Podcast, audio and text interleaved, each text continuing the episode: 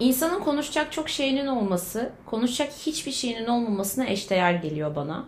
O yüzden bugün nereden başlayacağımı bilmediğim ve bir ayı geçen bu sessizlik içerisinde bu sessizliği nasıl bozacağımı hiç bilmiyorum. Gerçekten sanki yeni tanıştığım bir insanla bir iş görüşmesinde ya da bir grup insanın içerisinde ya da böyle sınıfta hoca bir şey sormuş da kimse de cevap vermek istemiyormuş ve hocanın yeni kurbanı olmamayı diliyormuş gibi o endişe verici sessizliğin ortadan kalkmasını bekliyorum ama bu sessizliği bozmak için bir şey söylemem lazım.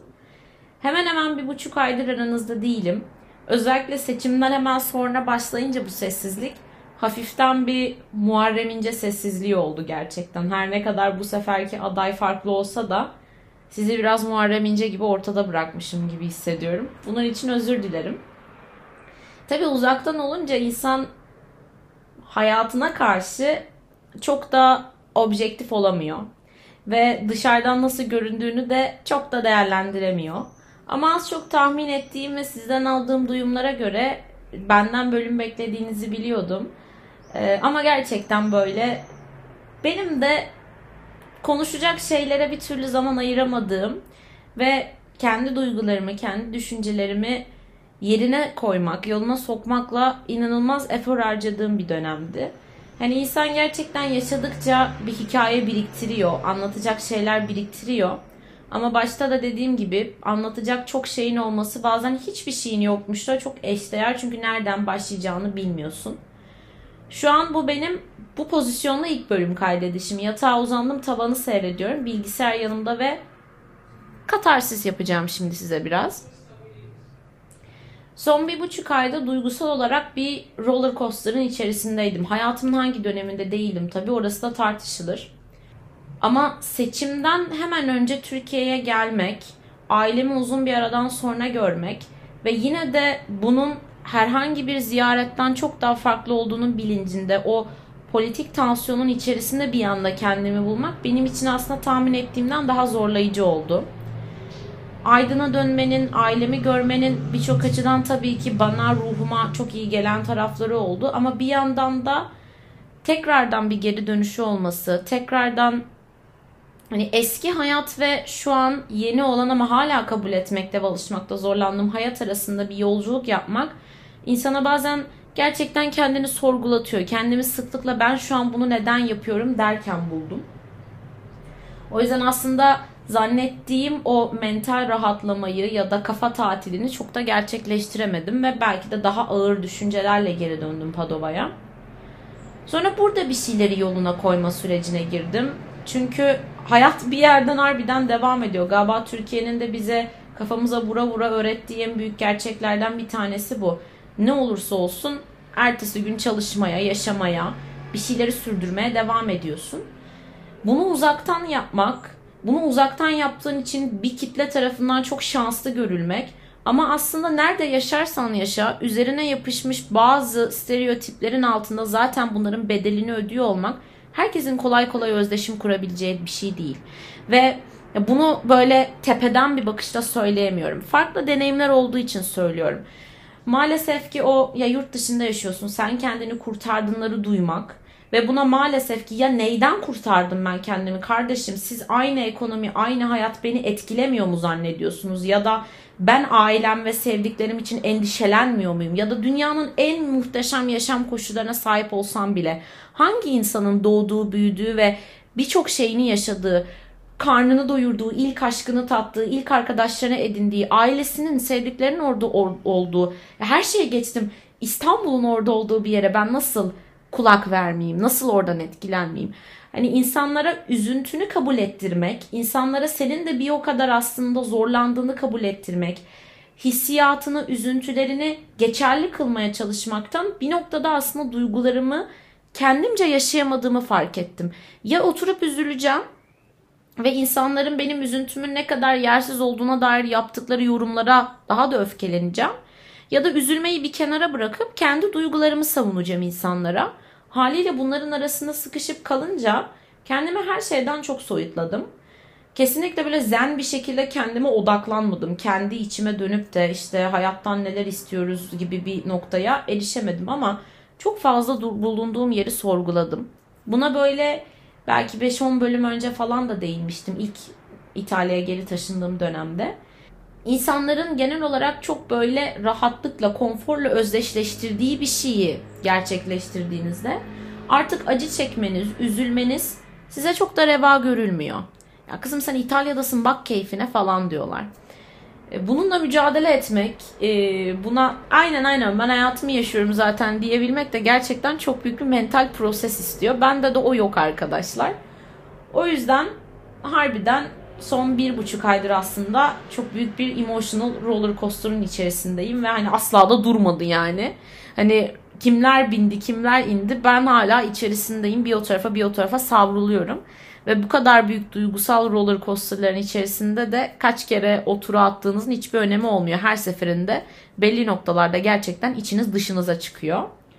Ama bu belki de en düzgün, en durağan, en akıntısız olduğu dönemlerden bir tanesi olduğu için ben de sizinle konuşmak istedim. Bunu aslında uzun bir sessizlikten sonra burada olduğumun sinyalini veren, tekrardan başlayacağıma, devam edeceğime dair bir söz olarak kabul etmenizi istediğim bir bölüm aslında. Çok böyle bir anda içerideki evdeki o kalabalıktan kaçıp ya benim çok acil bir bölüm kaydetmem gerekiyor diyerek e, kollarınıza sığındığım bir bölüm. Şu an böyle odada aynen başta o tarif ettiğim gibi yatağa sırt üstü uzanmış tavanı seyrederek sizinle konuşuyorum. Biraz o zaman böyle bu psikanalizime ben devam edeyim. Bu divana uzandım ve siz de benim psikanalistim olarak beni dinleyin istiyorum. Uzun süredir tabii böyle bu süreçte bazı duygularıma çok fazlaca kulak verdim. Çünkü bazı günler çok mutlu hissediyorum. Bazı günler çok umutluyum. Bazı günler dünyanın en şanssız insanı benim. Bazen yataktan çıkmak istemiyorum. Bazen yataktan çıkmadığım için kendimi suçluyorum. Çünkü bir tarafım erken kalkmayı, o düzenli olarak kabul edilen işte erken kalkayım, kahvemi içeyim, dersimi çalışayım şeklinde çok böyle her şeyi takvimselleştirilmiş hayatı özlerken diğer tarafında ya kalkma yataktan sanki kalksan ne olacak diyor ve bu iki parçalanmış simayın arasına sıkışıp kalmanın ve onları ya siz aynı bedeni, aynı ruhu paylaşıyorsunuz. Hadi bakayım şimdi öpüşün, barışın noktasına getirmem çok zaman aldı. Hala da o iki kişiliğin birbirini görünce biraz birbirlerini hırlıyorlar. Sanki bir kedi ve bir köpekle aynı bedende yaşıyorum.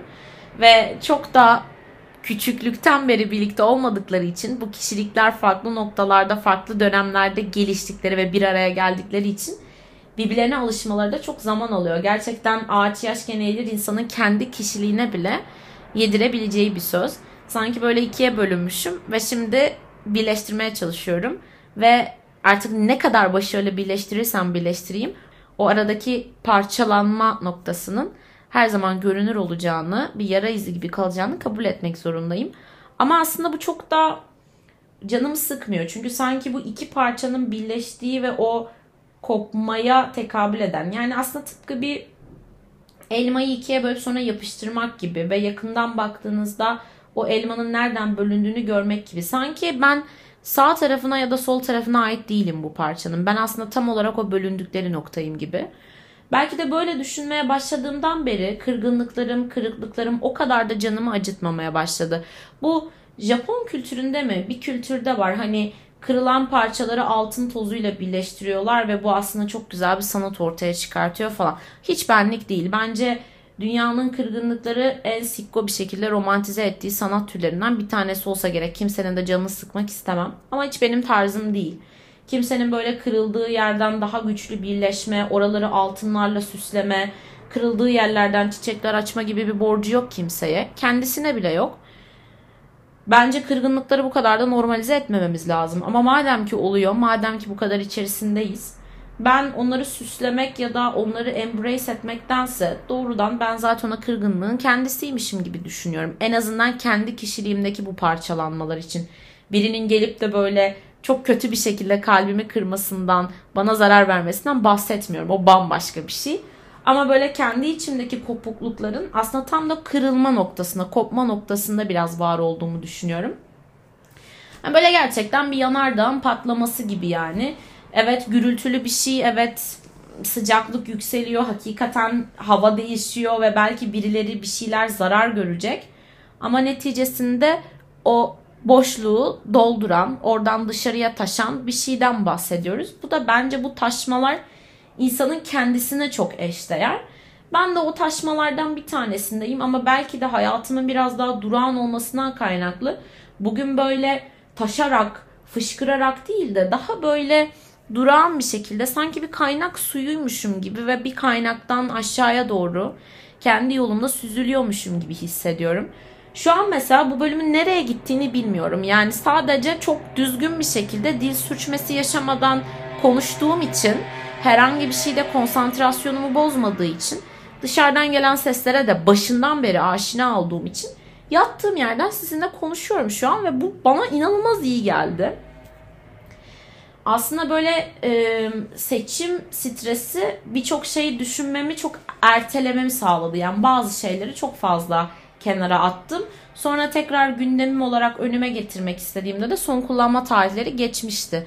Bu benim çok hayatımda yaşadığım bir şey değil. Eğer siz de benim gibi bir anı deposuysanız ve hem üzüntüleri hem mutsuzlukları yani olumsuz duyguları da böyle sanki bir çikolatanın kendisini yemek yetmiyor, ambalajını da saklamakmış gibi bir kenarda tutuyorsanız onlar gün gelince sizin önünüze çıkıyor. Hadi bakalım şimdi beni çöz diye ya da beni sakladın şimdi beni ait olduğum yere koy. Çöpe atacaksan çöpe at, saklayacaksan sakla ama bir karar ver noktasında karşınıza geliyor. Benim belki hayatımda çok uzun bir süre sonra ilk kez bazı şeyler karşıma geldiğinde benim için artık son kullanma tarihi geçmişti. O yüzden belki de tekrardan beni zehirlemelerine izin vermemek ve onları çöpe atmak, geri dönüşüme vermek ama artık benden çıkmalarını sağlamak son dönemde kendime yaptığım en büyük iyiliklerden bir tanesi oldu. Kendi duygularımı, kendi yaşadığım deneyimleri sizinle hep paylaşıyorum ama belki çok net şeylerle, çok net anekdotlarla, kişilerin isimleriyle çok paylaşmadım.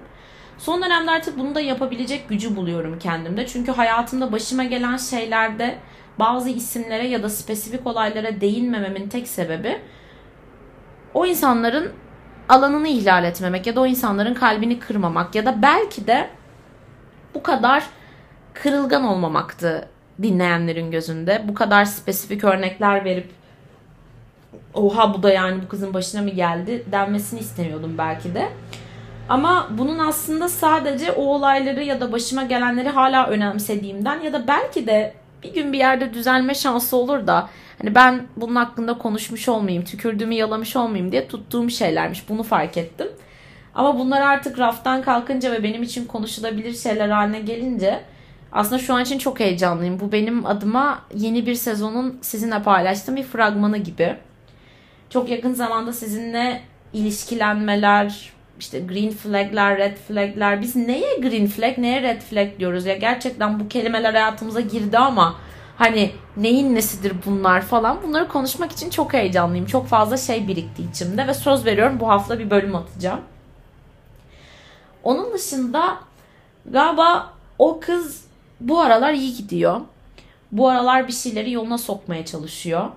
Yani hayattan tat almaya çalışıyorum tabii ki de ama hayattan tat almaya çok odaklandığımdan hangi tadı almak istediğimi çok galiba beyan etmemişim evrene. O yüzden bu aralar acı tatlı her şey çok karmaşık bir şekilde hayatıma geliyor.